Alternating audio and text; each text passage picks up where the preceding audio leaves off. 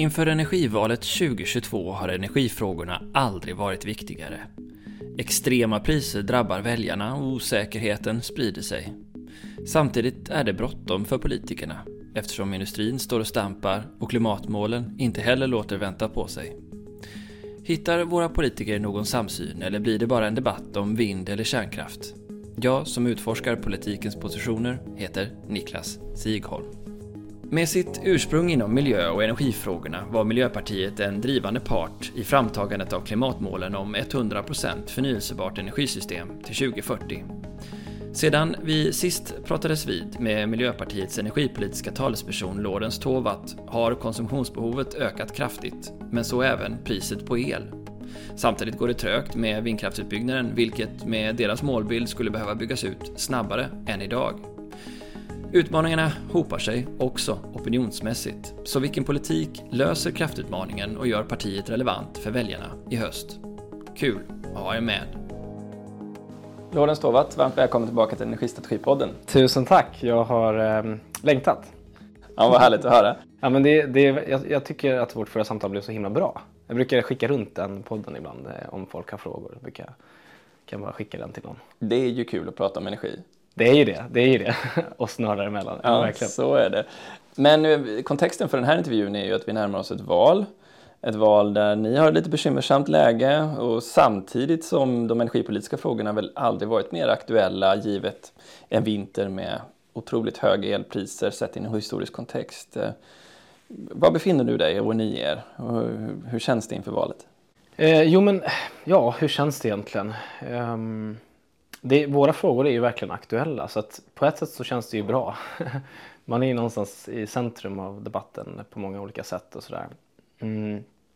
Sen går det inte så bra för partiet, det gör det ju verkligen inte. Eh, och jag tror att vi fortfarande är i en situation där eh, de flesta har kanske inte helt greppat, eh, tycker jag då, att vi är unika i svensk politik. Det vill säga framförallt nu. Om man tittar på de senaste månaderna där egentligen alla andra partier har gått fram med stora skattelättnader på det fossila och eh, ja, eh, att man vill betala människor för att använda energi eh, när vi nu egentligen är i ett läge där man ska betala människor för att inte använda energi snarare skulle jag säga. Så att jag tror att utifrån liksom klimatfråga kontexten så är ju vi är ju unika där. Och det tror inte jag att vi har riktigt nått ut med ännu riktigt ordentligt. Så din poäng är, för den frågan kan jag ställa andra, är att den här prissignalen som vi ser på el i sig inte nödvändigtvis är dum för att den ger också rätt styrsignaler för att börja jobba med energieffektivisering, eller?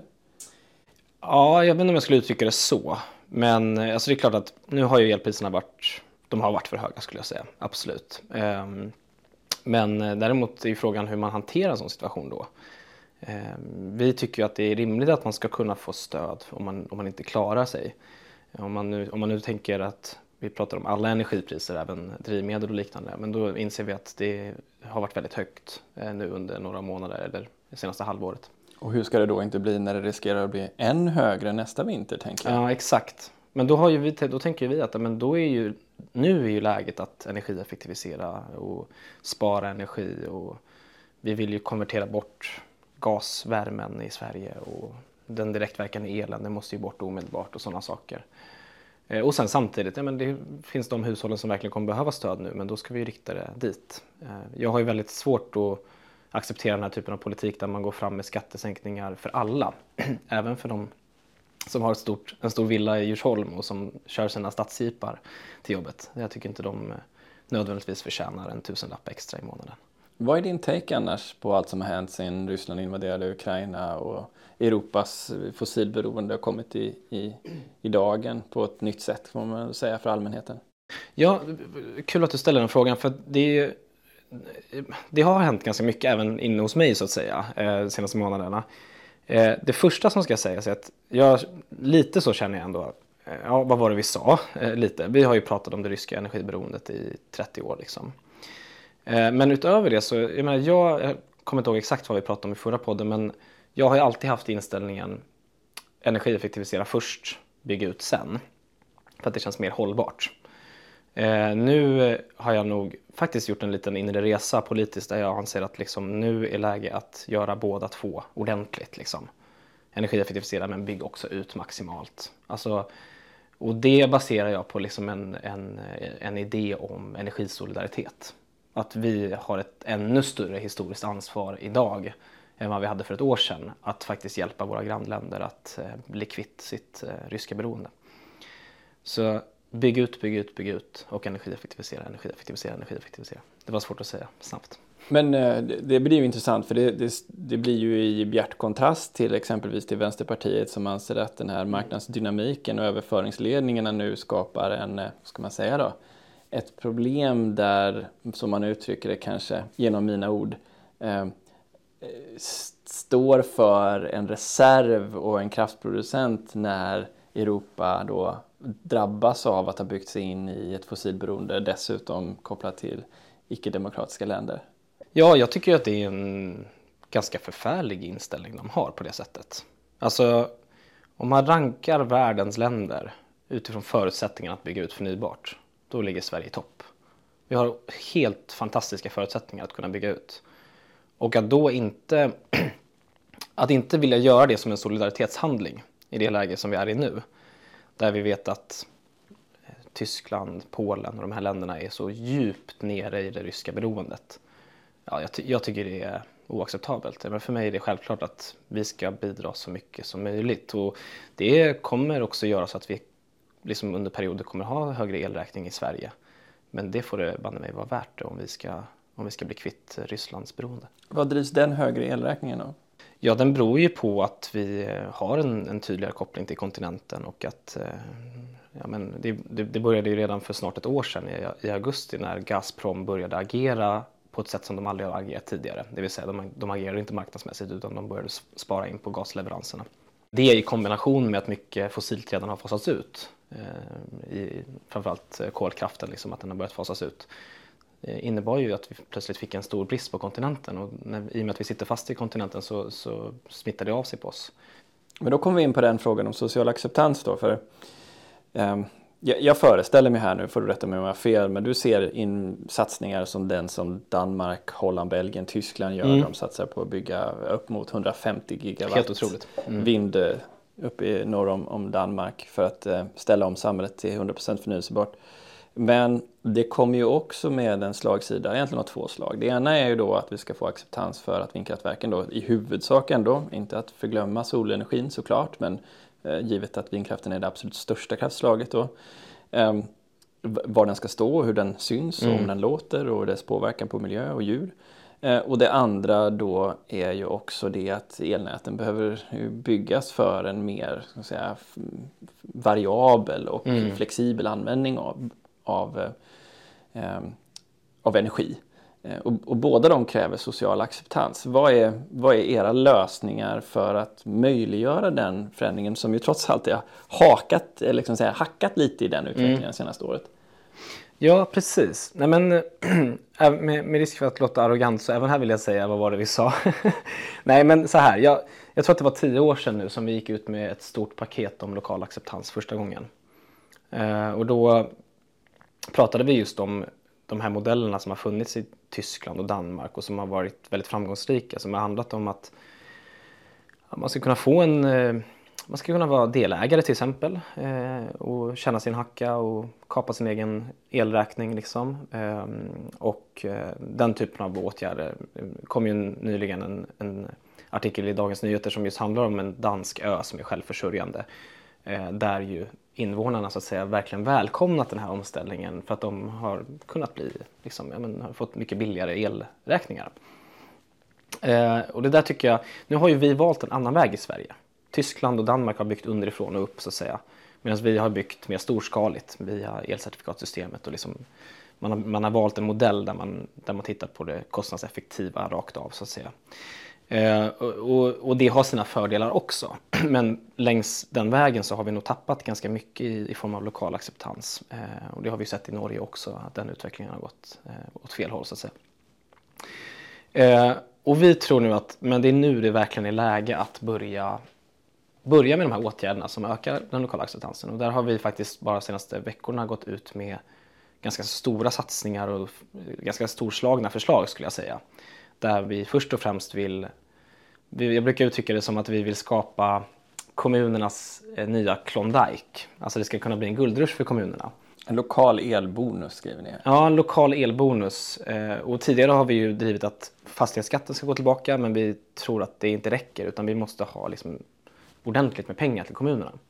Det ska kunna bli så att en kommun eh, välkomnar nya vindprojekt och därmed får en ny, ett nytt badhus, en ny idrottsanläggning och välfärd som eh, är ordentlig och, och så vidare. Alltså det ska kunna bli en, en, en sån framgångssaga lokalt. Så de här 10 miljoner kronorna per år för varje befintlig terawattimme förnyelsebar el och de 30 miljoner kronor per år under 10 års tid för varje ny terawattimme förnyelsebar el, den kommer alltså utöver också en, en fastighetsskatt? Nej, det är istället. Alltså då, fastighetsskatten ska betalas. Men det här är mycket mer än fastighetsskatten. Det här är betydligt mycket mer. Varför är det så då? Varför är det så att vi behöver betala pengar till de som, som bor nära ett vindkraftverk för att tillhandahålla något som är av nationellt intresse? Du får ju trots allt inte billigare el om du bor nära Forsmark. Nej, precis. Alltså, jag tänker att någonstans om man bidrar till hela Sveriges välfärd då ska man liksom själv kunna få någonting för det. Eh, det finns liksom någonting eh, eh, det, det, är lite rättvist på något sätt. Att, ja, men då, har man, då har man bidragit så pass mycket till Sveriges totala välfärd. Då ska man ha någonting tillbaka. Och det är ju, som du var inne på, det här var ju den lokala elbonusen och den ska ju gå till kommunerna. Och det är ju för att liksom, kommunpolitiker ska verkligen känna att det här är, ja, men jag gör någonting för både Sverige men också för min kommun genom att liksom satsa på vindkraften.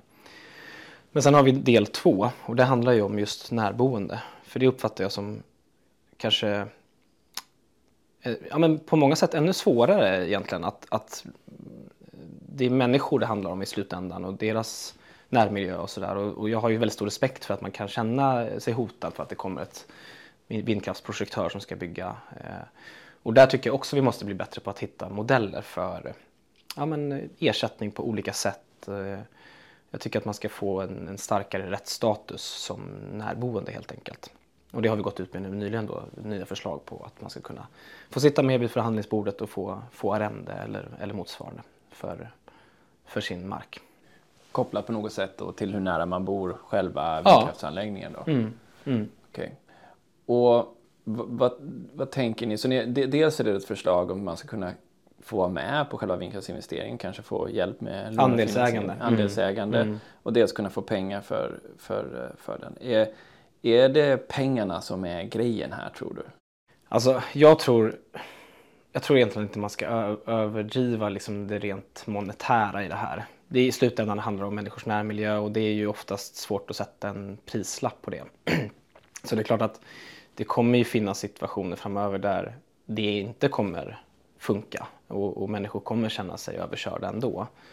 Eh, och det ska man ju verkligen ta, ta, ta på allvar. Liksom. Och jag kan tycka att jag tror att även branschen måste göra en resa här. Eh, jag tror att man kanske kan vara bättre på att anpassa sig lokalt. Och, ja, men om det är så att vi har en, en liten by som ligger i närheten av den här marken, ja, men flytta bort några av vindkraftverken lite längre bort då, så att de inte är för nära. Eh, det, tror jag, det tror jag det är någonting som branschen behöver göra en resa kring. Eh, och jag uppfattar att det delvis finns de, in, de insikterna i branschen men jag tror att det måste till ännu mer.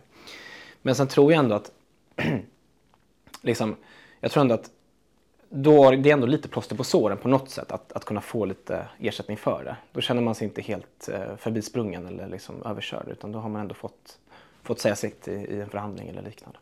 Okej, okay. så säg att de här förslagen eller förslagen ni kommer fram till i riksdagen ökar möjligheten för social acceptans för de som bor nära vindkraftsetableringar. Eh, men om vi kopplar det till din vision eller er vision om, om det 100% förnyelsebara eh, energisystemet, alltså bara förnyelsebara källor, inte någon kärnkraft exempelvis. Har det senaste året, eller senaste ett och ett halvt året som vi träffat, har, det, har du stärkts i din övertygelse om att ett sådant system är möjligt? Eh, givet också diskussionen om var den har landat någonstans rent politiskt om planerbara kraftslag eller har den försvagats? Jag skulle säga att rent teknikmässigt så har jag stärkts. Jag känner mig väldigt trygg med liksom den, den inriktning som både Sverige men övriga världen också har tagit i någon mån. Jag menar, batterier och vätgas det är megatrender. Det är ingenting som är en fluga utan det är megatrender som nu sker i alla världsdelar och eh, inte minst i Europa och Tyskland har ju satsat enormt på vätgas och, liksom, och så vidare. Eh, så jag känner mig mer och mer trygg med liksom de, de tekniska förutsättningarna för ett sådant system. och att det kommer fungera och att det kommer vara relativt kostnadseffektivt och så vidare. Men sen är det det som vi varit inne på, just den lokala acceptansen. Det är ju nog det som är då den stora utmaningen nu. Eh, och det är därför vi går ut med den här nya politiken också, för att vi inser att det är där ehm, det är där liksom tuvan är just nu eh, som, som riskerar att välta lasset. Ehm, och i det, man kan ju, den här lokala acceptansen, den är, det är svårt att liksom helt veta hur utbrett det är också för att det finns ju mycket propaganda i det också. Hur då menar du? Ja, men det finns ju, vi har ju liksom politiska partier som liksom driver fram en hetsig debatt om det. Och då tänker du på Moderaterna, Moderaterna och senaste utspel ja. om 400 eh, miljarder i, i Ja, men det, det, kan de ju driva om de vill. Men utöver det så har de ju, vi, vi håller ju vi, vi, vi håller ju koll på hur många vindprojekt som de säger nej till. Och det är 100 terawattimmar nu de är uppe i. 99,7 Du menar moderata kommunalpolitiker då? Eller? Kommunalpolitiker eller regionpolitiker. Alltså vi, vi säger inte, alltså vi tittar på allt de säger. Eh, så att vi, det kan vara liksom Moderaterna i, i Stockholmsregionen eller... Och vad uppfattar du att de säger då? Kommer de tillbaka i frågan om pengar? Alltså nu har jag, de, det är lite oklart vad de, vad de tycker om pengar. Eh, väldigt oklart faktiskt. Det borde de ju vara tydligare med om de nu tycker att det är så hemskt med Det är en lite lustig twist annars på hela det politiska narrativet att Miljöpartiet vill köpa loss de moderata kommunalpolitikerna. Ja, just det. Nej, men just, eh, för, bara tillbaka till frågan om, om, om eh, utmaningen här. är att Vi har å ena sidan människor som genuint, eh, som, som liksom rättfärdigt faktiskt kommer att ha vindkraft nära sig som, som, som har rätten att ha en åsikt om det. Och sen så har vi de krafter i samhället som vill spä på konflikter. Och där uppfattar jag tyvärr att Moderaterna har hamnat nu. Att de har hamnat i en situation där de, de hade den här fejkade bilden som de spred till exempel. Där de hade photoshoppat vindkraft 10 meter ut i havet vid en fin strand. Den där typen av krafter, och, och där, jag tror tyvärr, nu låter jag konspiratoriskt, men, men det finns också krafter ut, utifrån som tror jag vill sätta den bilden. Det finns en hel del propaganda som sprids från andra länder som kanske vill att vi ska vara fast i beroende och så vidare. Ehm, jag har hört sådana, det finns en del som tyder på att... Liksom... Så det är inte bara en förståelsefråga då som du menar utan det finns en, en under, någon slags underbyggd politisk mm. logik till att det skulle se ut så. Och vad skulle det härröra från? Äh, vad, menar du? Att... Vad, vad skulle man ha för intresse i att sprida en sån bild menar du? Ja men dels tror jag, det finns ju vissa som har uppenbara intressen av att behålla Europa i ett fossilt beroende. Ryssland till exempel. Det, det är ju uppenbart liksom. Um, sen vet, jag kan ju förstås inte peka ut så här, det här är en påverkansoperation från Ryssland. Men, men det är klart att det finns de det bara titta, och sen så kan man titta på de, de, vissa av de här organisationerna som jobbar med detta. De har ju tydliga kopplingar till Sverigedemokraterna och liksom det finns, det finns en agenda och den här gamla föreningen eh, Svenskt landskapsskydd, de, hade ju, de bestod ju av klimatförnekare och, och så vidare. Det finns liksom en, ja, sådana strömningar. Liksom. Och sen så finns det ju de partier, Moderaterna då, som, som, som jag tror gör bedömningen att de tjänar på att det är en konflikt i den här frågan. Och, ja, mm. Så är det med det liksom. Men, så att Ja, jag vet inte. Det blev lite utläggning här kring... Mm, ja, nej, men, men lokal acceptans tror jag är bredare än bara just det här. Det finns ju rättmätig liksom, eh, invändningar lokalt och sen finns det de som tjänar på att konflikter finns där. Ja, men jag tycker det finns en, eh, ett syfte med att diskutera eftersom du börjar med att peka på Danmark och du som du säger menar att de har byggt det här systemet mer liksom, underifrån och upp och att den lokala acceptansen därmed blir viktig. Och mm. det är då en fråga om liksom, ersättningsnivåer mm. till kunskapsbyggande, till medbestämmande, till då också eh, ja, naturligtvis att man tar hänsyn till liksom, kommunens planeringsarbete och sådär. Mm. Eh, och så är det kanske också en, en, en politisk dimension i det mm. att, eh, att jobba med. Så, så det är gott så vad gäller den decentraliserade delen av beslutsfattandet mm. kring mm. omställningen. Sen har vi ju en stark dimension som också är central som innebär att Sverige då naturligtvis redan har klimat och miljömål. Men har ni ett planeringsmål för hur mycket kraftproduktion vi borde ha i vårt land? Finns det en sån idé? Vi har inte satt upp ett generellt planeringsmål. Finns det ett, finns det ett syfte att centralisera den typen av ja, i alla fall målbilder för att driva det vidare? Mm. Ja men jag tycker så här, det, det jag nog kan vända mig lite emot är liksom att man ska ha ett generellt mål och sen ska man liksom alltså det, man får inte bli för mycket liksom sovjetisk planerare här tänker jag. Men det finns ju däremot skäl att precis den kopplingen som du gör, det vill säga eh, var, ska bygga, var ska det byggas ut? Hur ska vi göra det på ett bra sätt? Och då kan det ändå finnas en, en poäng med att jobba som till exempel Naturvårdsverket och Energimyndigheten med planering för, för landbaserad vindkraft. Och jag tror att havsvinden, där har vi faktiskt satt upp ett mål.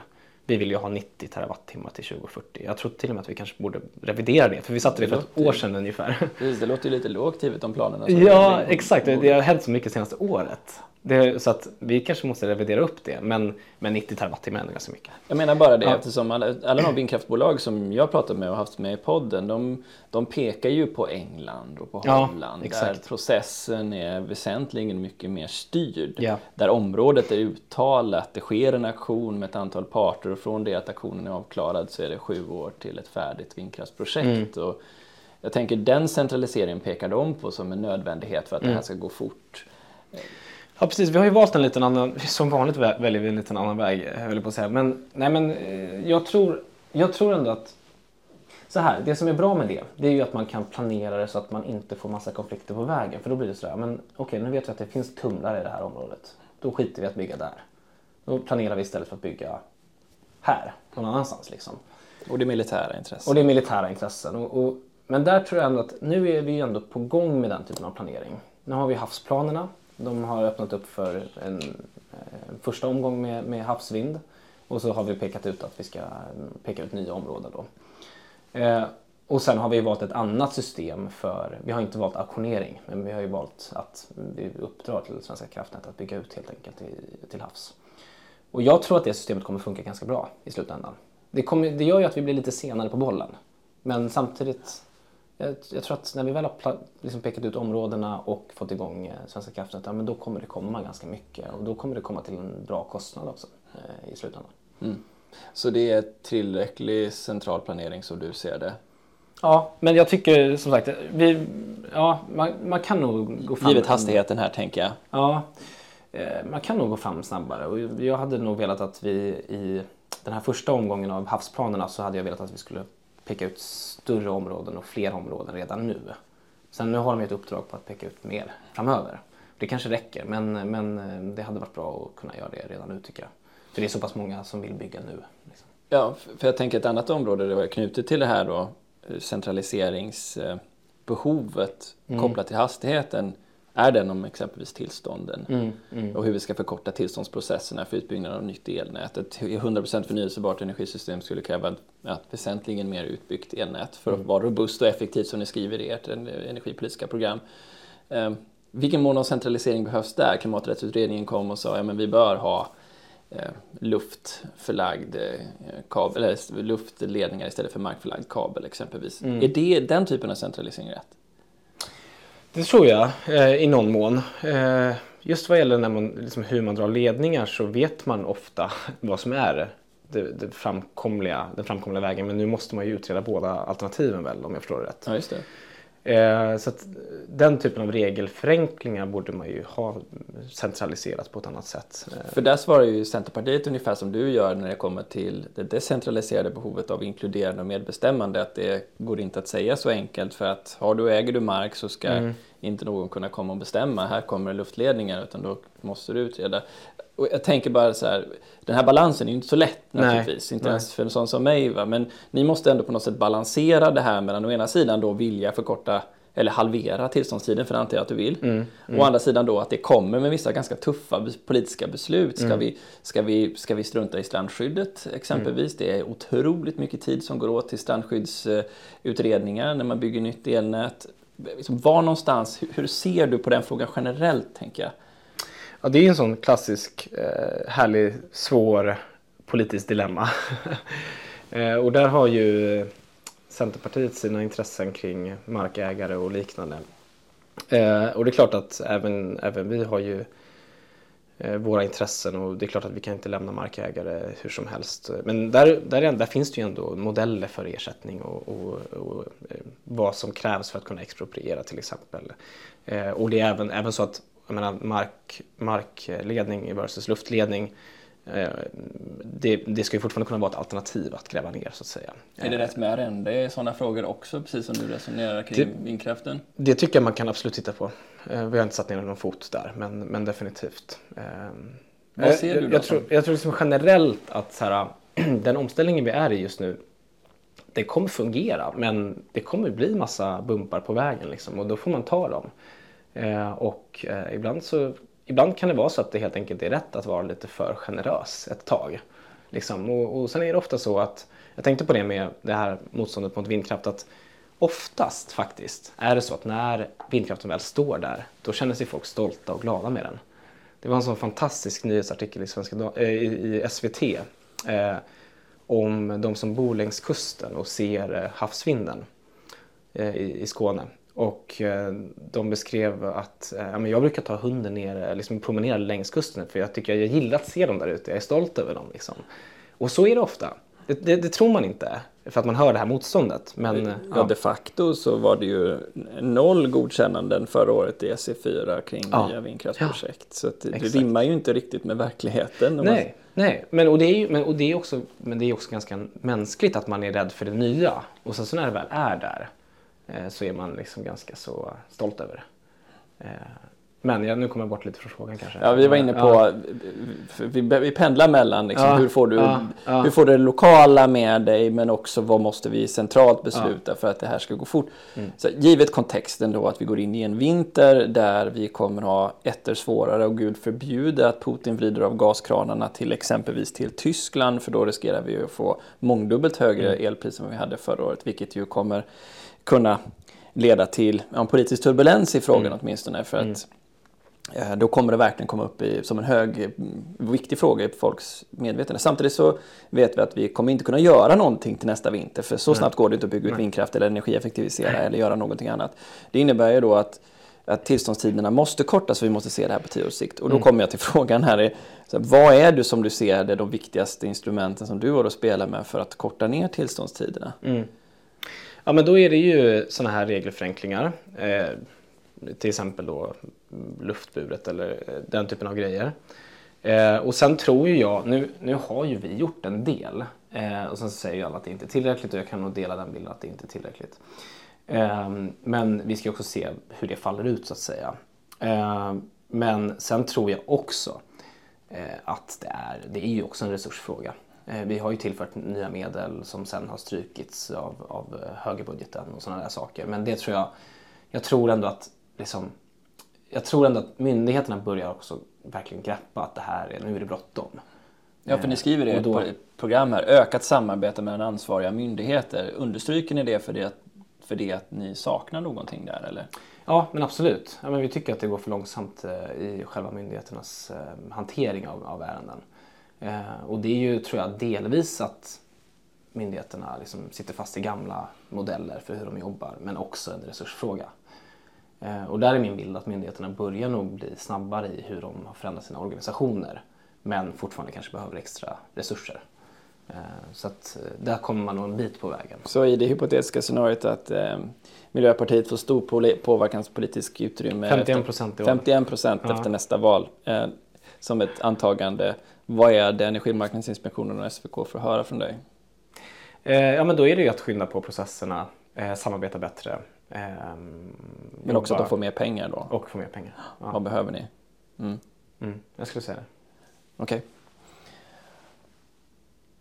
En annan del av att få den utbyggnad, för det är ju inte bara, nu pratar vi mycket stamnät här och mm. SVKs utbyggnadsplan, mm. men en viktig del i att få ett förnyelsebart eh, energisystem handlar också om att regionnäten och lokalnäten ska fungera väl. Och de styrs idag efter en, en, en säga, elnätsreglering som ja, historiskt har varit uppbyggd kring vårt synkrona nät, producera här, konsumera mm. där, men om man tänker sig i din framtid så behöver vi ett elnät som är väsentligen mycket mer robust för att klara av att hantera eh, en, en, eh, ett, ett aktivt nät så att säga, där, mm. där elen kan strömma åt, åt flera olika riktningar och som är robust för störningar.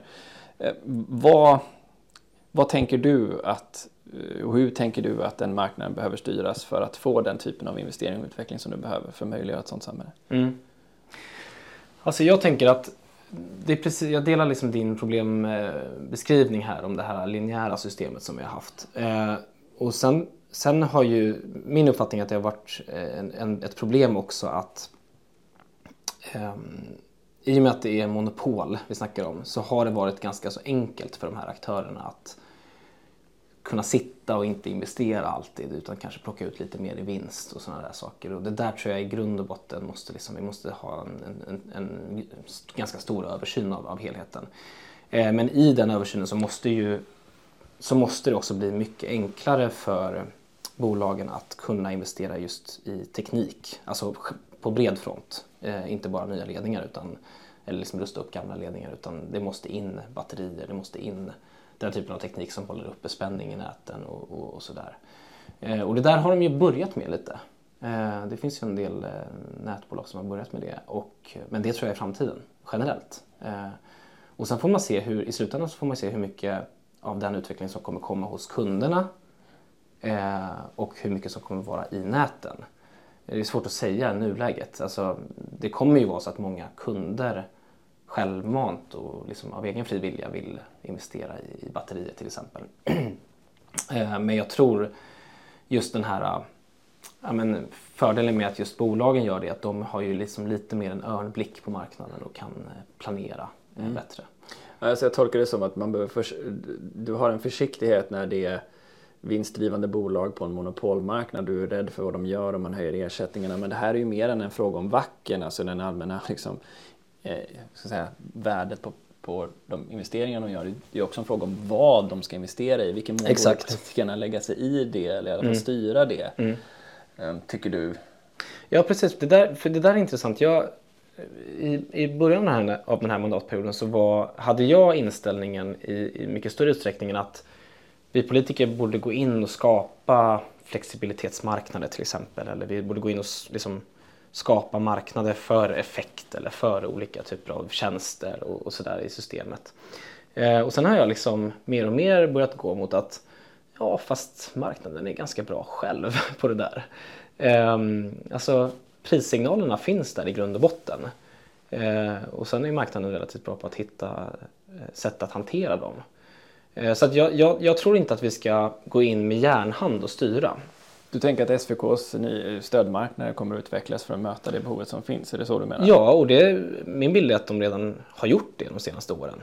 Alltså de har ju skapat nya marknader för, för tjänster och, och stödsystem och allt vad det nu är. Eh, och det tror jag, den utvecklingen tror jag kommer fortsätta. Eh, och vi har ju också sett exempel på att det ploppar upp sådana här flexibilitetsmarknader utan att vi från rikspolitiken går in och tvingar fram det. Uppsala, Stockholm, Göteborg. Det finns ju massa exempel nu på, på sådana. Nu är de kanske inte jättevälutbyggda ännu men eh, det, den, den marknaden kommer kunna finnas där för de som vill leverera flexibilitet. Så att jag, är, jag tycker absolut att i en, i en översyn av, av, av regleringen så, så ska man absolut ha med perspektivet okej, okay, det här handlar inte bara om nät utan det handlar om teknik generellt och liksom, hur kan man hur kan man eh, understödja en sån utveckling mot mer flexibel eh, användning till exempel. Eh, men vi ska inte gå in för mycket med järnhandeln utan det kommer också kunna ploppa upp alternativ längs vägen. Mm. Så gå in och stötta med statliga medel för att få mer energiproduktion. Eh, se till... Ja, för, fast dock inte själva. Vi, man vill, vi vill ju inte gå tillbaka till ett system där vi, där vi stöttar själva produktionen utan det är ju just den lokala, acceptans, ja, lokala acceptans. Ja, mm. ja, just det. Mm. Men ändå där, där ska man stötta. Var, var försiktig med hur elnätsregleringen ser ut men se till att bygga in moment där incitamenten för att skapa ett system som är hållbart för en förnyelsebar eh, energimarknad eh, finns. Men låt flexibilitetsmarknaden utveckla sig fritt utan pekpinnar från Mm. Det säga som en tripp, trapp, trull av mm. liksom, här behöver vi gå in och understödja, här behöver vi mm. bara skapa rätt förutsättningar och här är mm. spring loss, kosläpp, ni får Precis. Men i det sista där så, jag, jag, tror jag tror som sagt att det kommer kunna skötas relativt fritt på marknaden. Sen så är jag nog inte ändå stängd för idén att kunna gå in och stötta stötta upp liksom En vätgasinfrastruktur. vätgasinfrastruktur, för att ta ett exempel, men också jag menar, kraftvärmen under överskådlig framtid har en viktig roll i systemet. Där kanske vi behöver ha en öppen dörr för att kunna gå in och, underlätta. Liksom. Eh, menar, kraftvärmen har ju den rollen att den stöttar just lokalt på ett sätt som få kraftkällor kan göra. Kul att du tar upp det. Ja. Vad skulle du vilja se? För det har ju talats mycket om att det, som en del av energis, elektrifieringsstrategin menar Mm. Så ska vi ha en översyn av kraftvärmestrategin i landet. Vad, vad menar du är, är viktigt att komma... Ja, jag är ju väldigt glad att den punkten finns med för det var ju liksom ett MP-krav. Att vi, det var ju bland det första jag gjorde som ny talesperson. Att säga att vi behöver en strategi för kraftvärmen. Eh, och jag har liksom, vi har inte vi har inte helt satt ner foten i exakt vad vi tycker behövs för liksom statlig eh, inblandning ännu. Men däremot så har vi nog pekat ut en del så här strategiskt viktiga frågor. och Det här tror jag vi diskuterade förra gången också. Men det, det ena handlar ju om liksom, vad ska vi ha för bränsle i framtiden. Eh, och där eh, har ju vi synpunkter på dagens bränsle. Vi, I grund och botten tycker vi att det är, alltså, kraftvärme verkligen bidrar och, och är ju hållbar. Eh, men, men det finns fortfarande en del fossil plast som måste bort. Eller det finns ganska mycket fossil plast som måste bort. Och sen finns det finns synpunkter kring eh, bioenergin också naturligtvis. eh, Jag kan inte hindra mig, låt oss gå in på den. Ja, för vi har ju fått massvis med, med, med förslag från EU här om, om svensk skog och svensk Mm. biobränsleanvändning. Mm. Eh, Som ju har varit en, eh, ett avbräck får man väl säga mot vad, vad både regeringen har gått ut och varit beklagat sig över men också branschens liksom, önskemål om att ha en fungerande marknad. Det vill säga till exempel hur mycket skog vi ska lämna kvar i marken till liksom, vilka typer av biobränslen som anses eh, tillräckliga för att användas för, för biokraftvärmeändamål exempelvis. Mm. Är det rätt att vi befinner oss i ett läge där politik i EU, mycket anpassat för kontinenten, tillskrivs Sverige?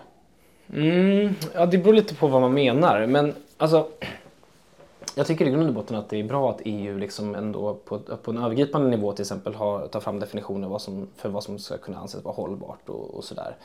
Eh, och eh, även jag är helt, helt med på liksom EUs krav på att liksom öka sänkan i Sverige. Det är en jätteviktig del av den svenska klimatpolitiken. Att, alltså, vi, kan, vi kan åstadkomma jättemycket genom att öka sänkan i svensk skog till exempel. Ehm, men sen så blir det ju lite knepigt när liksom kommissionen går in och pekar ut att vi inte ska kunna använda liksom, det finns ju massa restprodukter från skogen. Alltså där det verkligen finns en, ett, ett stort värde att ta vara på den energin. Eh, jag, hade ett, jag har ett långt, jag passar på att göra reklam för min egen podd här, men jag har ett avsnitt där jag pratar om just eh, bioenergi med eh, Mikael Karlsson. Och och i det avsnittet så resonerar vi just kring det här men egentligen är det inte så komplicerat. Alltså, ett, Skydda så mycket skog som vi bör skydda. Två, Använd skogen för långvar, långvariga produkter och, och liksom bygg hus med det och, och så vidare. Tre, Ja, det kommer uppstå rester i ett sådant system. Även om vi skyddar mycket skog och även om vi bygger mycket lång, långvariga produkter så kommer det uppstå rester. De ska vi ju använda. Alltså det råder inget tvivel om. Så vad bör svenska regeringen göra om EU kommer med lagförslag som går emot den, som du säger, rätt så enkla logiken? Ja, men då tycker jag man ska mm, försöka motarbeta den typen av förändringar som, som EU kommer med. Gör vi det i tillräcklig ut- utsträckning tycker du givet? Ja, alltså jag, vet, jag menar, vi, har- vi har ju själv suttit i regering och, och det, det är ändå en ganska så eh, tydlig linje från Sverige att, eh, att vi ska kunna använda bioenergi i Sverige. Eh, sen så tycker jag då att regeringen ibland har gått för långt i den, den linjen. Och, nu blir det väldigt nördigt men liksom när man kommer in på LULUCF och hur man ska beräkna sänkan och den där typen av grejer. Då, då tycker jag att eh, det är framförallt riksdagen som har tvingat regeringen att driva en viss linje. Och det tycker jag, där, där har jag inte ställt mig bakom det utan då är det eh, det är lite fusk med, med bokföringen och hur man räknar på utsläpp och sådana där saker som Sverige sticker ut i EU. Eh, Självklart ska vi inte kunna fuska genom att eh, ange fel referenspunkter i systemet. Bla, bla, bla, bla. Ja, men det där blir lite nördigt. Men... Mm. Ja, just det. Det blir lite Så att, eh, här. någon mellanlin, mellanlinje där tycker jag är, det rimliga. Okej. Men, men oavsett egentligen var man landar där så vet vi att i framtiden kommer vi ha en, en situation där bioråvaran efterfrågas från många håll. Eh, Och det är just därför som frågan om bränsle till våra kraftvärmeverk eh, är relevant. Vad borde, vad borde de elda då? Ja, men jag, tror, jag tror att vi, liksom, vi kommer behöva gå mot ett system där vi, där vi tittar på dels sol, solvärme. Eh, solvärme kommer inte kunna ta den stora delen av detta. Men inte minst under sommarhalvåret kan den bidra. Eh, det är ganska svårt att få kraftvärmen att vara lönsam under sommarhalvåret. Ibland, framförallt på sommar, de två, tre sommarmånaderna. Eh, och då kan solvärmen komma in och bidra positivt. Eh, sen så Eh, det här är fortfarande väldigt tidigt i processen men jag ser framför mig att vätgasen kan ha en roll i, i kraftvärmen. Eh, och då får man en helt annan liksom, hållbarhets, eh, eh, liksom, hållbarhetsprofil på det skulle jag säga. Jag tänker bara när ni införde avfallsskatten. Mm. Det var ju ett läge då EU ETS-priserna var väldigt låga Ja. fortfarande. Nu fångar de ju upp på ett väldigt tydligt sätt, vilket kraftigt påverkar driftsekonomin för alla de avfallsförbrännare, det fossila inslaget i avfallsbränslet. Mm. Är det då rätt att ha, en- alltså, det finns ju redan en, så att säga en, en, en, ehm, en, en, eh, nu säger jag det, men en orättvis fördelning för att eftersom Sverige är med i utsläppshandelssystemet för de här anläggningarna och flera länder i Europa inte är det. Men också ha en ytterligare en fossilskatt på, på samma bränsle. Vi lägger på skatt på skatt vilket gör att omhändertagandet av de farliga, rå- liksom, eh, farliga ämnena som finns i avfallet eh, ju inte tas om hand om, Mm. om de istället hamnar på deponi i Europa tänker jag. Mm. Är, det- är, det, är det fortfarande rätt eller är det så att marknaden har kommit ikapp och vi inte behöver det här? Förstår du hur Ja, ja, branschens kritik mot att nu, nu är inte läget samma, det här är, börjar bli kärvt? Jo, men det är helt sant att eh, ETS-priset har gått upp eh, 20, 20 dubblats har det väl gjort det mer eller mindre. Eh, så det är ju en lite annan situation. Eh, sen är det ju ändå så skulle jag säga att vi nu har vi högt elpris så att vi har ju det också som gör att då får du ändå ihop kalkylen på ett sätt så att det inte, jag, jag min bild är inte att det är kris i, i branschen nu. Eh, sen beror det på ja, den situationen vi är i så att säga. Men eh, jag tycker ändå att, alltså som sagt, jag tror att jag sa det förra gången också när vi snackade, men att eh, jag är absolut villig att se över den här skatten så att den verkligen träffar rätt och så att den får den, den styrning vi vill ha. Men jag, jag tycker inte att den skatten handlar faktiskt inte bara om det fossila, eh, alltså den fossila plasten, utan det finns ju en poäng att hela tiden försöka trycka avfallet uppåt i hierarkin, eller neråt. Vet inte, ja, men Ja, ta hand om det tidigare. ta hand om det tidigare. Och om skatten inte bidrar till det, då, då ska vi se över den. Men, men, men idén bakom den tycker jag ändå är legitim. Och det är inte bara plaster utan det är väldigt mycket av det som bränns är faktiskt organiskt av, matavfallsavfall. matavfall. Ehm, och det vill vi gärna göra biogas av heller. För det kan trycka undan fossilgasindustrin till exempel. Jo, ja, nu ska vi inte prata om det här så mycket tänkte jag, men det, både Skatteverket och andra har ju visat på att att lägga en skatt på kraftvärmeproduktionen påverkar ju inte vad folk slänger i vilken tunna så att säga. Ja, det kan ju göra. Alltså, de menar... Vad menar du? Ja, men det skickar ju ändå en signal som gör att då kanske, då kanske kommunen väljer att eh, differentiera sina avfallstaxor på ett annat sätt Ja. för att minska mängden som går till... Alltså det, det skickar ju en signal. Eh, men som sagt, Du har sett att det inte har slått igenom än, att vi inte ser den typen av differentiering från kommunerna, vilket gör att du kanske ja men precis. Jag, jag, jag, vet inte exakt hur det har slagit. eh, Men, men eh, idén är ju att den ska skicka en signal så att den ska liksom flyttas uppåt i, i hierarkin hela vägen till slut, eller kund eller vad man säger. misstolkar jag här, men det låter lite grann som att du tittar på så länge kraftvärme, liksom kraftvärme kopplat till avfall är lönsamt så är det inte ett jätteproblem för dig. Eh, ja men så här, ja, det är klart att nu, vi har väl haft, har vi haft någon utvärdering av skatterna? nu? Vi hade väl en som var... haft två stycken utvärderingar av skatten. Skatteverket var ju den som kom ut med hårdast kritik mot skatten Ja, som sa ja, att det här, det här ja. leder inte till den intention som Nej, lagstiftaren hade. nej.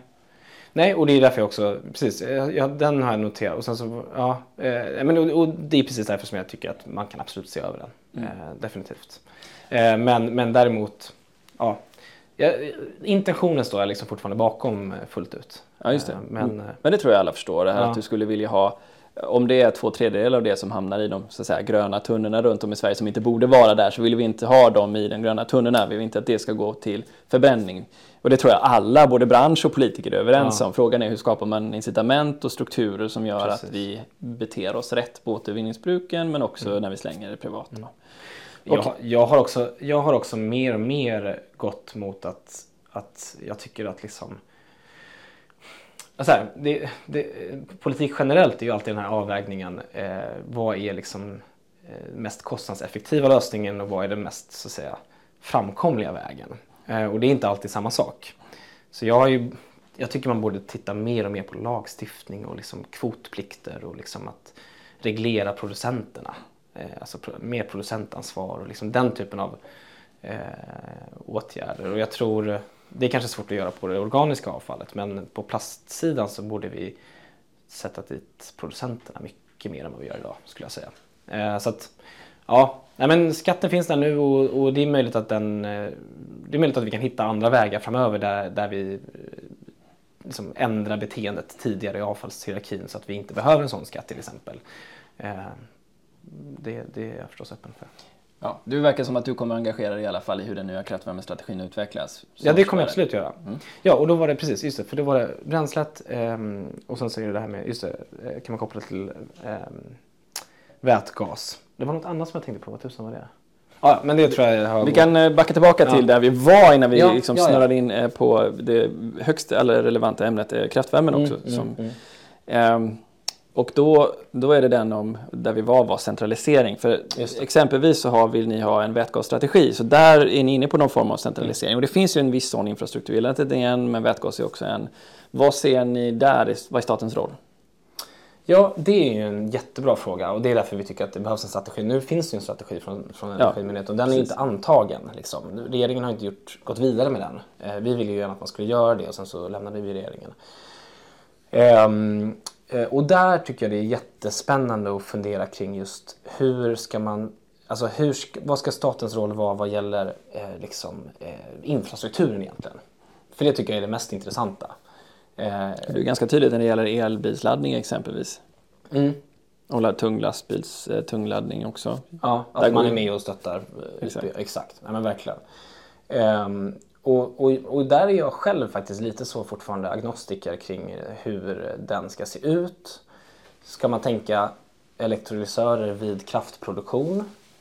Eh, ska man tänka rörledningar överallt? Eh, ska man tänka snarare att elektrolysörerna bör stå vid industrierna? Eh, sannolikt blir det en kombination av flera eh, av de här modellerna så att säga. Vi har ju Nordion som bygger nu, de ska ju bygga i, i norra Sverige. Och eller? Ja, jo, ja. Det, det, finns ju grandiosa planer ja, för det, men ja, även där saknas ju liksom ganska mycket regelverk och infrastruktur för hur det skulle gå till. Och man kan tänka sig att... Koncession och... Alltså, precis, det blir svårt att lämna det till... Alltså att en kommun, en kommun kan ju inte säga nej till en vätgasledning som ska gå runt hela Botniaviken. Det måste ju på något sätt någon... Precis. Eh, antar jag centralt ta hand om den frågeställningen, eller? Ja, nu tror jag för att de kommer säga ja. Alla kommuner där uppe, de är så med på det här industrispåret nu. Liksom. Men, och nu ska det ska ju byggas havsvind där uppe också så det blir ju väldigt spännande att se. Uh, men däremot, det finns ju verkligen skäl att verkligen i grunden fundera igenom men hur ska den här liksom, infrastrukturen se ut? Vad ska statens roll vara? Ehm, nu har vi ju Nordion, jag har inte helt fattat om Nordion är TCO på detta område eller om de liksom säger att de är det. men men liksom, hur ska den rollen fungera? Och koncessionsfrågor och, och så vidare. Eh, och sen tycker jag det är jätteintressant att, att, att, diskutera. Är det så att vi i framtiden kommer ha ett system där vi har ett välutbyggt elnät men där en större del av energiöverföringen så att säga kommer vara rörledningar av vätgas istället? För det finns ju en del som talar för att det kan vara smartare. Av det skälet att det är billigare att bygga sådana pipelines. Så att om du har stora havsparker nu till exempel och ska bygga ut, eh, ja, men då kanske du bygger en elkabel men den kanske inte har så stor kapacitet och sen så istället bygger du, har du elektrolysörer ute till havs så bygger du en, en pipeline istället in till eh, Oxelösund eller vad det nu kan vara liksom, eh, för, en, för en industri. Det där är ju väldigt spännande. Jag vet ju att vindbolagen nu tittar på att ha små elektrolysörer uppe i vindkraftverken till och med. Liksom. Eh, och det är ju jättespännande teknikutveckling som, som jag vet inte vart det landar. Liksom. Nej, eh, det vet man ju verkligen inte. Nej. Ehm, men om vi går tillbaka då till er långsiktiga liksom, ambition för energimarknaden. Ehm, det finns ju två kraftslag här som vi har pratat ganska lite om. Ehm, och det är då, kärnkraften har vi nämnt, vi vet mm. ju var er position är där. Ni skulle helst vilja se att de inte finns 2040, visst mm. stämmer. Mm. Eh, och så har vi också vattenkraftsproduktionen där liksom, eh, ja, det, är, det är en stor modern tillståndsprövning. Mm. Hur ser ni på den frågan i aspekten kontra miljö och klimat? Mm. Det är också en sån, eh, verkligen ett eh, dilemma. Nu kommer ju regeringen ut med två nya uppdrag till myndigheterna om vattenkraften. Eh, där ju bland annat man ska titta på eh, vad får de här miljökraven för konsekvenser för den lokala effekten till exempel och sådär. Eh, och min bild är ändå att menar, mycket av de här prövningarna de behöver vi göra oavsett för det är EU som ställer krav på det. Så det är lika bra att göra dem och göra det på ett bra sätt och, och men, men jag, jag, tror fortfarande att vi kommer landa inom det intervallet vi har pekat ut. Det vill säga att vi ska inte förlora massa vattenkraft. Så max en och en halv terawattimme ja, förlorad vattenkraft ja. tycker du är rimligt att ja, säga? Ja, okay. att det är bra om vi landar ungefär där. Mm. Okej, okay. Eh, det vi började prata om mm. tänkte jag att vi, det blir också en del, för ni brukar ju lyfta upp det här med energieffektivisering som en viktig del i, i uh, energiomställningen. Även om du nu var mer du, dubbel så att säga, du vill ha en rejäl utbyggnad också. Ja, men det är samtidigt. min politiska resa som jag gjort. Ja, precis. Mm. Eh, där föreslår ni då eh, ett antal saker. Dels då en, en, en, eh, en kvotplikt där energiföretag är skyldiga att effektivisera fastigheter och andra verksamheter. Och ett bonus-malus-system för produkter där de mest energi och resurseffektiva blir billigare. Ja, förklara. Vi började här med, med kvotplikten. Vad tänker ni där? Vad, vad, vad, hur långt ska det ansvaret sträcka sig? Som du ser det? Ja, men vi, vi har ju... Bakgrunden här är ju att Sverige har ju haft, så att säga, vi har haft billig el under många, många, många år. Vi har en hög elanvändning i, i Sverige. Om man jämför med kontinenten så använder vi mycket mer el i Sverige än många andra. Per person, liksom, per capita. Eh, och jag tror att vi har ju varit ganska bra på att energieffektivisera men vi har inte känt det här äh, on, liksom, omedelbara behovet av det. Eh, för att vi har haft ganska bra priser. Liksom. Och eh, det, det, liksom, den bakgrunden gör att jag tycker att vi behöver ett system som är övergripande och stort. Som driver fram den här utvecklingen. Eh, för det har ju funnits nu har, nu har det gjorts en del energieffektivisering. Vi har ju legat stilla de senaste 30 åren på elkonsumtion. Eh, men det finns ju jättemycket kvar att göra eh, och det är ganska lågt hängande frukter i, i ganska många avseenden. Eh, och då vill vi ha ett, ett, bredare och stort system för detta och vi har egentligen inte satt gränser för det ännu. Nu, har vi ju, nu rullar det en statlig utredning som vi faktiskt tittar på i princip alla sektorer. Till och med transporter är med i den utredningen så det är jättespännande att se vad det kan leda till. Eh, så att vi, vi ser gärna att den, den är bred. Eh, sen så har vi respekt för att det är ett väldigt stort styrmedel och jag tror att vi skulle behöva göra saker här och nu omedelbart. Och det kan du ge ett exempel? Ja, absolut. Och dels är det de här satsningarna som vi hade i budgeten som nu är strykna. Det är flerbostadshus och det är energisteget för industrin. Det är saker som kan göras nu liksom, och inför det i budgeten omedelbart. Liksom. Och sen har jag också, eller vi också öppna för att man tittar på det gröna avdraget som ju redan finns. Eh, att inkludera energieffektivisering och framför allt det som är viktigast nu, inte minst nu inför vintern, nu kanske vi inte kommer hinna det inför vintern, men det som borde ha gjorts från, från första början är att man särskilt riktar in ett sådant avdrag på eh, direktverkande el och på gasuppvärmning. Eh, om vi kan kapa 13 000 hushålls gasuppvärmning så bidrar ju det väldigt mycket. Eh, och om vi kan kapa 150 000 hushålls eh, direktverkande el så bidrar ju det enormt också. Så det är ju liksom, det hade verkligen bidragit till systemet som helhet skulle jag säga. Ja, det måste vara lurigt att få till ett sånt som blir träffsäkert. För jag menar, ni skriver energiföretag. Jag tänker i den framtida rätt så komplexa energimarknaden du ändå vill åt så mm. är det ju väldigt svårt att dra en gräns till vad det ett energiföretag egentligen ja. är för något. Just det, absolut. Så vem ska ha ansvar för att göra det här? Eller menar ni att det skulle Ja, hur, hur kommer det sig att ni vill skjuta över ansvaret på energiföretagen och inte på konsumenterna? Ja, men jag tror att det som, när vi har resonerat kring det där så har vi bland annat varit lite inspirerade av hur vi har jobbat på eh, transportsidan med reduktionsplikt. Att vi, vi, vi har väl någonstans insett längs vägen att ja, vi behöver skatter, liksom. men i slutändan så det finns nog en politisk gräns för hur mycket man kan höja skatter. Och då kanske det är bra att lägga eh, ansvaret på just bolagen snarare. Och i praktiken det som kommer ske om man inför en sån här kvotplikt eller vita certifikat eller vad det nu kallas, det är ju att man, man ålägger ju de här bolagen eh, att bli mer effektiva och då kommer ju de, i praktiken kommer det bli så att de upphandlar tjänster av andra företag som genomför energieffektiviseringar.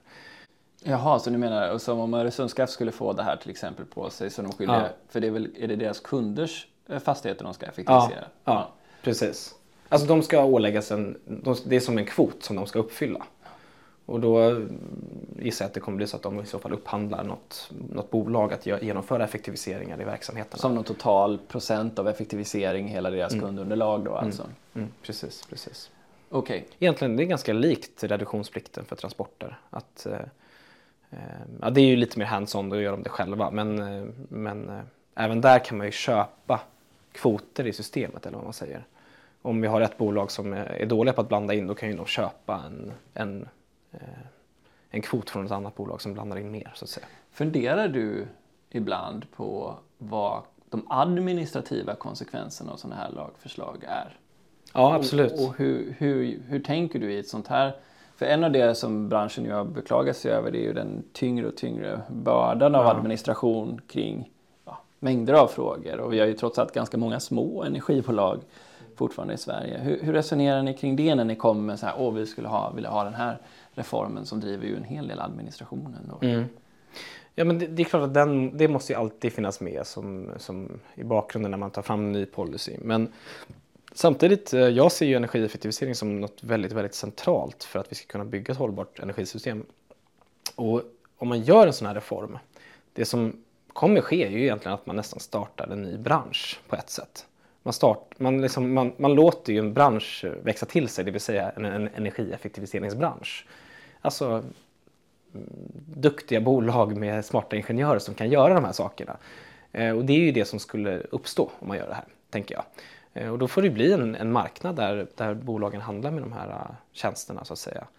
Eh, och, och, det är klart att det bidrar till administration men det, jag, jag, ser det som så pass centralt för att vi ska kunna bygga ett hållbart system så att det är liksom en, en uppgift för oss att, att genomföra sån lagstiftning oavsett. Men skulle det vara något problem för dig, säg att vi gjorde som Danmark, bara rent hypotetiskt då, att vi byggde ut med enormt mycket mer vindkraft än vad vi skulle mm. behöva. Vi hade långa perioder med ett väldigt lågt elpris som skulle stimulera en potentiellt högre konsumtion för att det är billigt, vi kan slösa lite mer med det. Är det ett problem för dig?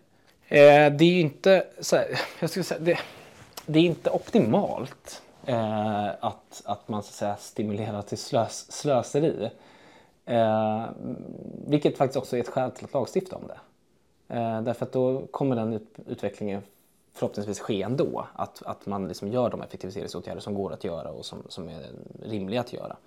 Eh, och i ett sånt läge, det är därför jag också lite, jag har börjat mer tänka just kring den här europeiska solidariteten och där, därför tycker jag att de här energieffektiviseringsåtgärderna, även om de så att säga går utöver vad som är rimligt för, vad ska man säga, svenska kunder att så här, men elen är ändå så pass billig så vi behöver inte göra det här. Men då är det ändå, finns det ändå nytta att göra dem, för då kan vi exportera mer el till kontinenten.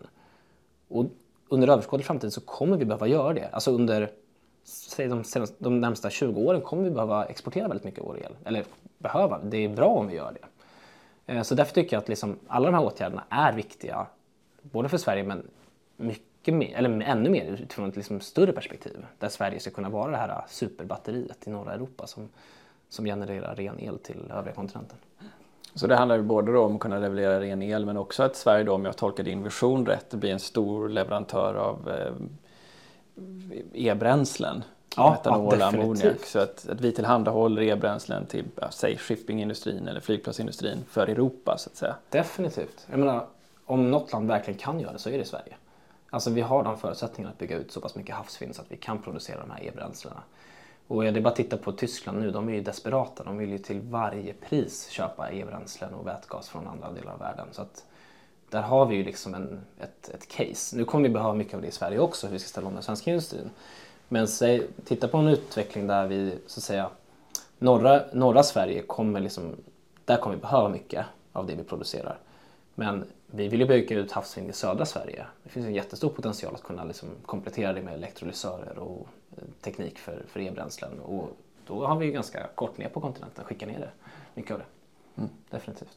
Vi skulle ju kunna bygga strängt taget mycket, mycket mer än de 90 terawattimmarna till havs som ja, ja, pekat ut. Absolut. Finns ja, det någon bortre gräns? Om det fanns ett, ett marknadsmässigt intresse att bygga 500 terawattimmar till havs i Sverige, skulle det vara okej? Okay? Ja, nu verkar ju nästan finnas det, för det är 500 terawattimmar som ligger i förfrågningar eller eh, ansökningar.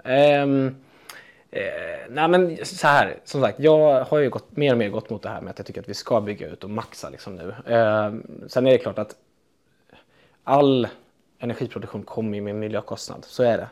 Och det är därför vi, vi från första början har den här grundläggande inställningen energieffektivisera först, bygga ut sen. Eh, så att, ja men bygg mycket liksom, men det är klart att det, det finns ju alltid någon typ av gräns. Och, och fördelen med havsvind dock är ju att det är så pass, de är så pass kraftfulla de här verken så att man behöver inte bygga lika mycket för att, eller lika många för att producera mycket energi så att säga. Hur tycker du det har blivit med miljö, miljö och klimatpolitiken sedan ni lämnade regeringen? Ja, tyvärr har det gått verkligen utför. Eh, och det är ju dels från regeringens sida men också, också alla andra riksdagspartier. Alla har ju i princip svängt bort från den klimatpolitiska riktning vi hade. Eh, och det är bara att titta på vad som händer nu när Naturvårdsverket går ut och säger att vi kommer missa klimatmålen på grund av de här omsvängningarna som nu sker. Eh, så på punkt efter punkt, jag menar mycket av de här otroligt viktiga utredningarna som har rullat den här mandatperioden som vi har varit eh, ansvariga för så att säga. Klimaträttsutredningen och eh, vetot till exempel. Eh, de har ju liksom skrotats eller inte tagits vidare. Eh, och det är ju jättetragiskt att se. Klimaträttsutredningen är ju bland det viktigaste vi har gjort den här mandatperioden. Men om vi då tänker eh, konsekvenserna av att vi tar jordbruket som exempel, att förhöjda kostnader leder till en sänkt eh, marginal vilket leder till att vi vill rädda och möjliggöra för svensk livsmedelsproduktion och då som en led i det så minskar vi reduktionsplikten eh, som ni har kämpat mycket för, alltså mm. alltså inblandningen av, av biodrivmedel i. Om vi ser ett ännu högre pris till vintern med ännu tajtare marginaler, ser du då framför dig att den typen av politik riskerar att fortsätta? Det vill säga att klimatet får stå tillbaka för mm. omedelbara ekonomiska konsekvenser? Mm. Ja, men det är exakt det jag är rädd för och det är det som redan sker. Liksom. Att, eh, det finns ju vissa partier som driver att man ska sänka reduktionsplikten så pass mycket så att det motsvarar 9 kronor eller något sånt vid pumpen. Det är liksom helt eh, hysteriskt. Um, och det här, är ett, det här är ett grundläggande problem för politiken, att vi har satt oss i en situation, framförallt, nu nämner ju du jordbrukssektorn, liksom, där det enda, den enda stödfunktionen vi kan ha, det är att sänka dieselpriset. Medan om vi hade varit smarta från första början så hade vi infört ett skatteavdrag som vi kunde justera upp och ner beroende på liksom hur världsmarknaden utvecklar sig och sådär. Ehm, sen så tycker jag fortfarande att man kan göra andra saker. Vi har ju nu har det ju varit, den här våren har det ju varit liksom helt hysteriskt med det liksom har regnat förslag eh, om att på olika sätt stötta fossil eh, konsumtion. Och vi har ju, det har inte kommit ut så mycket, men vi har ju lika stora stöd, om, vi har till och med större stöd på totalen som handlar om att stötta på andra sätt. Alltså barnbidraget, studiebidraget, sänkt matmoms, mat behöver alla. Eh, bygga ut kollektivtrafiken, eh, införa ett skatteavdrag för jordbruket istället för att sänka dieselskatten. Eh, man kan ju verkligen stötta. Alltså vi, vi, har ju till och med gått ut med kontantutbetalning till glesbygd. Om du bor i glesbygd så ska du få en kontantutbetalning från staten. Eh, så istället för att ge Djursholm bilägarna en tusenlapp så ska vi istället ge 4 000 till alla som bor i glesbygd. Det kan man göra, eh, men de andra partierna har valt en annan väg. Mm. Money talks. Ja, i någon mån. Eh, men då ska man ju se till så att det inte talar på ett sätt som gynnar Putin och som är fördelningspolitisk katastrof och som dessutom gör att vi missar klimatmålen. För det är det som de andra partierna gör nu. Om vi vänder på det som en sista mm. fråga då. Mm. Eh, vad, vad, är du mest optimistisk kring av det du ser, det du känner? Um, Ja, men faktum är att det är nog det som vi varit inne på i början av, av podden nu också. Det här med den tekniska utvecklingen som exploderar runt om i världen vad gäller just förnybar el, batterier, vätgas. Jag, jag åker ju runt mycket och föreläser i landet och brukar alltid inleda, jag brukar, eh, när jag pratar klimat så brukar jag inleda med hoppet snarare än hotet. Och sen kommer jag in på hotet senare men jag brukar alltid inleda med att prata om hoppet liksom, och möjligheterna. Eh, och då tar jag liksom exempel på havsvinden och liksom vätgasutbyggnaden och batteri, alltså prisutvecklingen på batterier som liksom är spektakulär. Och eh, södra Australien liksom där, de, där de konkurrerar ut kolkraften just nu. Eh, och den, eh, den utvecklingen den är ju verkligen en, en megatrend som eh, jag tror den är så viktig utifrån fler perspektiv. Det är inte bara liksom det är inte bara klimatet utan det handlar om fattigdomsbekämpning. Att, att de 700 miljoner människorna som saknar elektricitet idag i, i, i, världen, att de ska kunna gå direkt till förnybart istället för att passera omvägen via, via kol eller via olja. Bara det är ju superviktigt, att liksom kunna tillgängliggöra den tekniken. Så jag skulle nog säga att det är nog det som jag ser som mest positivt ändå. Tack så hemskt mycket för att du var med i Energistrategipodden. Tusen tack. Tusen tack.